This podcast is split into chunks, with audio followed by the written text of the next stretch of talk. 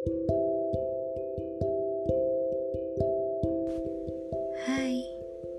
pernah gak sih kamu merasa bahwa sosok yang datang ke arahmu tidak pernah pas untukmu? Kurang sabar, boros, ibadahnya kurang, obrolan gak nyambung, pekerjaan, atau fisik yang gak sesuai dengan tipe.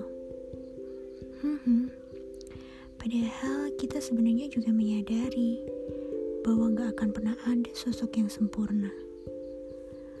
Setelah diteliti lebih dalam, ternyata bukan mereka yang salah, tapi kita yang belum sembuh. Iya, belum sembuh dari luka lama. Kita masih merasa ketakutan, takut dikecewakan, takut berakhir dengan cerita yang sama. Kita sedang mencari-cari alasan Padahal kita yang belum sembuh, belum siap memulai dengan orang yang baru.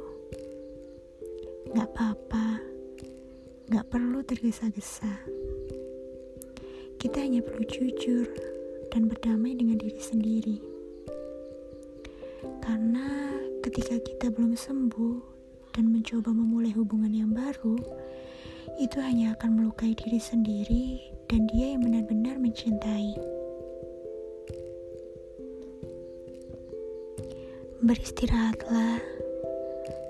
Kelak ketika sudah sembuh, semoga kita dipertemukan dengan sosok yang tulus mencintai kelebihan dan kekurangan.